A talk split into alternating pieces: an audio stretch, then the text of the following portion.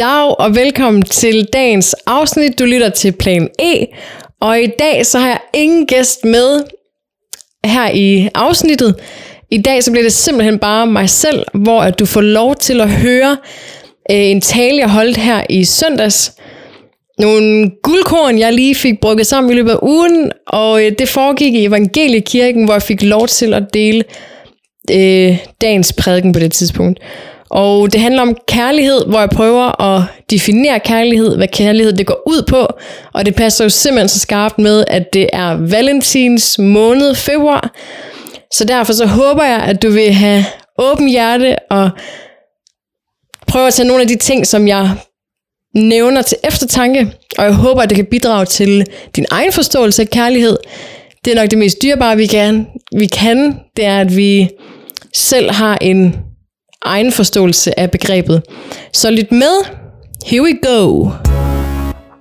Vi skal lige læse det sidste vers, I så op på skærmen.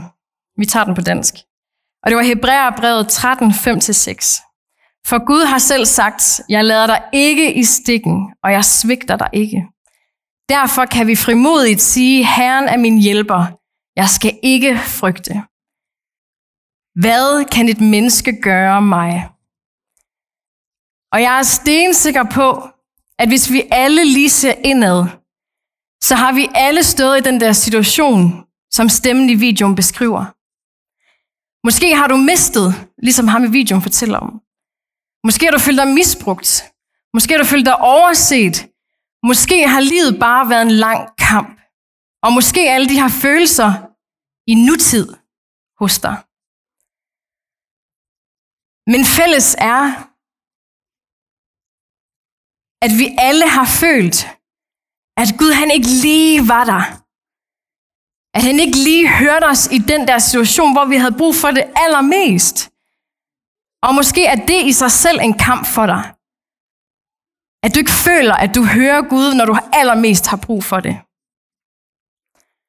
Og de her situationer, de vil også være gentagende i vores liv.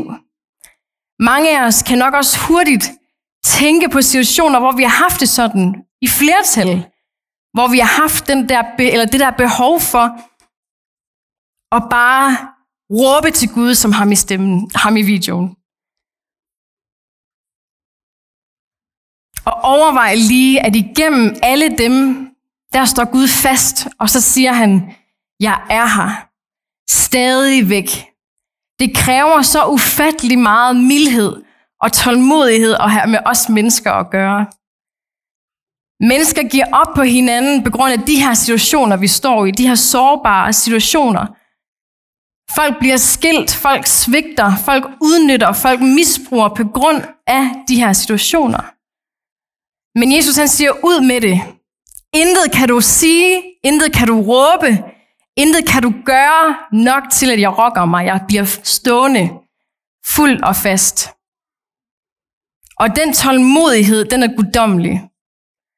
Og det er det største forbillede, vi har i vores liv. Det er Guds tålmodighed og mildhed. Og vi kan ikke opnå den form for tålmodighed og mildhed, men vi kan bestræbe os på det. Vi kan have det som et mål at gå efter.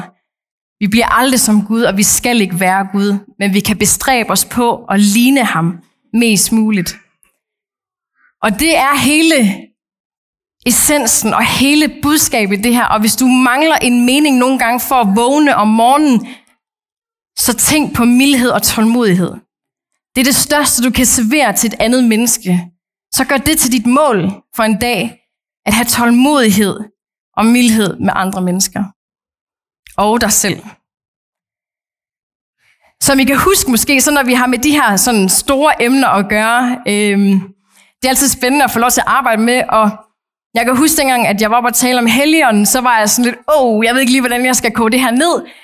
Og når jeg får det sådan, sådan har det faktisk også med kærlighed, så går jeg lidt sådan, åh, oh, det er lidt stort, og så ved jeg ikke, hvad jeg skal gøre med mine tanker. Og så har jeg sådan en tendens til at prøve at lave mine egne definitioner af, hvad det betyder. Og jeg har gjort det samme med kærlighed. Og det lyder sådan her. Og nu har jeg jo fået det første del øh, af vores fokusforløb, som jeg er mild og tålmodig. Og kærligheden, den er mild og tålmodig. Den er din adgangsbillet til accept og forståelse. Og selvom du aldrig forstår, forstår den dig. Kærligheden løber i forvejen, og når du mister pusten, er den kun lige startet løbet. Kærligheden tilhører højsædet, og når ensomheden synger din godnatsang, så vækker kærligheden dig hver en morgen. Den har overskudsvandvid midt i din rengøringsvandvid, men når du glider i tårne, så rydder den op efter dig. Kærlighed nedbryder enhver uopnåelig forventning, som binder dig. Du er sat fri. Den siger, tag mig i stedet for. Kærligheden er mild og tålmodig. Gud er kærlighed. Og vi skal læse i ordsprogenes bog 25.15. Med tålmodighed får man stormanden overtalt. En mild tunge kan knække knogler. Utålmodig, utålmodighed fremmer stress, og med et stresset liv opnår vi kun en brøkdel af, hvad vi kunne. Og med tålmodighed, så fremmer vi selvværd, at turde slippe kontrollen og sige, pyt, jeg prøver igen. Det fortæller os, at med tålmodighed, så opnår vi det, som ser umuligt ud.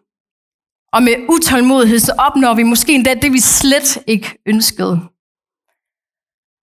Og en mild tunge, den, frem, den fremmer budskabet. Det er tilbage til den helt basale, hvordan får jeg det sagt? Det kender vi alle sammen. Det bliver vi rigtig hurtigt mødt med helt tilbage til børnehaven. Hvordan får jeg tingene sagt til de andre i børnehaven, eller i klassen, eller på arbejdet? Og vi kender alle sammen at være frustreret og irriteret, og så får man sagt det, man har på hjerte, men det bliver sagt på sådan en måde, der er hård. Og så får vi ikke vores budskab igennem. Men når man sunder sig og får det sagt med en mildhed, så bliver det en helt anden historie, du fortæller. Og Jesus han er vores eksempel på mild og tålmodig.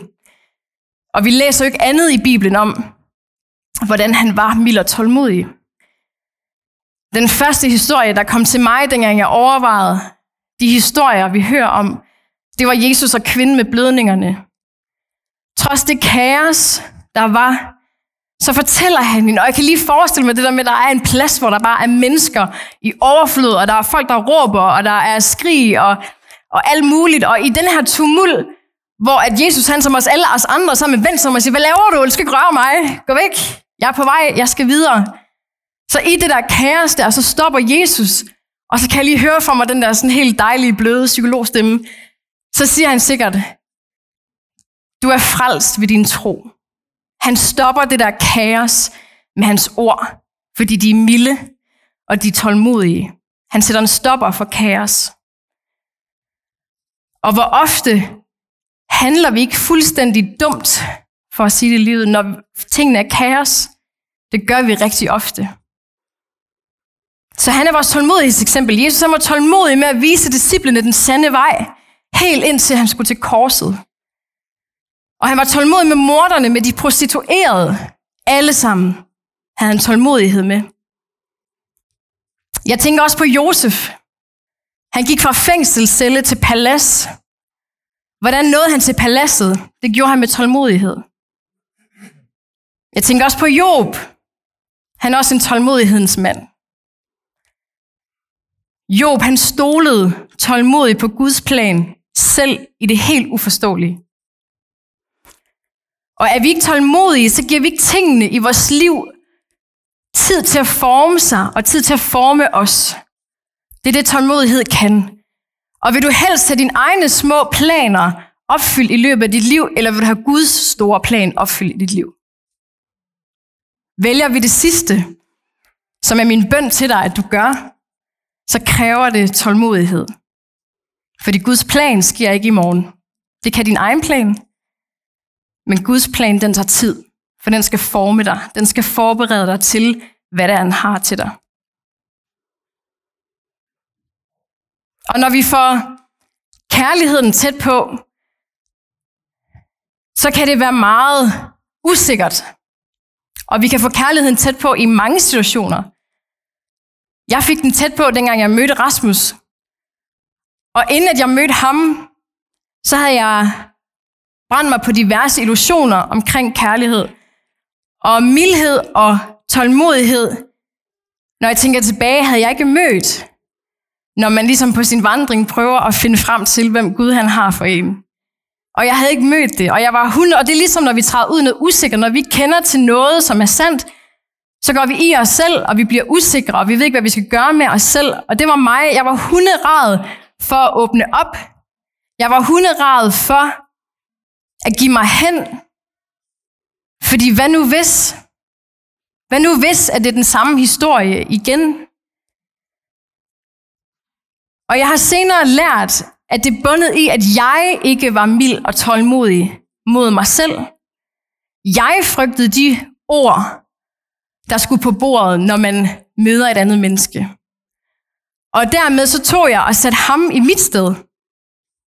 I stedet for at se ham for ham og hvor han kommer fra. Og jeg minimerede hans evne, fordi jeg satte min egen frygt forrest. Og det er det samme, når vi indgår i enhver usikker situation. Så lader vi den overskygge af vores eget usikkerhed og vores egne erfaringer. Men jeg husker, at da jeg på en eller anden overnaturlig måde får overtalt mig selv til, at nu skal vi lære hinanden at kende og åbne op, så blev jeg mødt af den her mildhed og tålmodighed.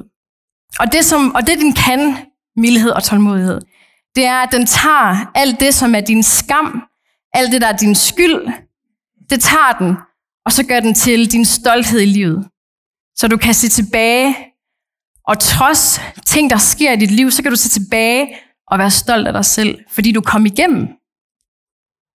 Ikke at det, der er sket nødvendigvis, men at du er kommet igennem og har mødt mildhed og tålmodighed.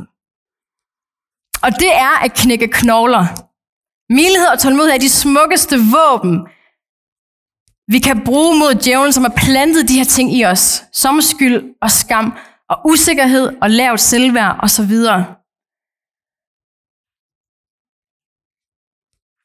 Vi bliver nødt til at have mildhed med os selv og tålmodighed med os selv, før at vi også kan lade andre gøre det og gøre det mod andre.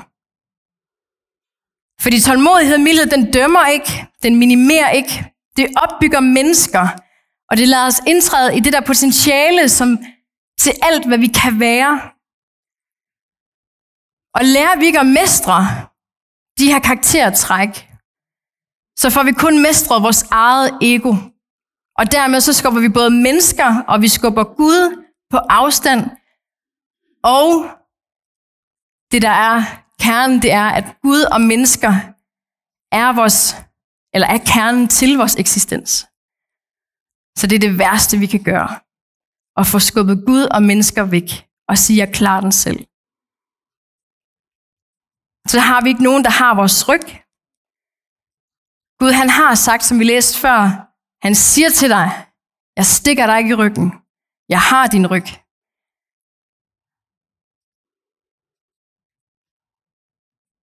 Og som videoen også viste, vi kan ikke andet end at have det sådan.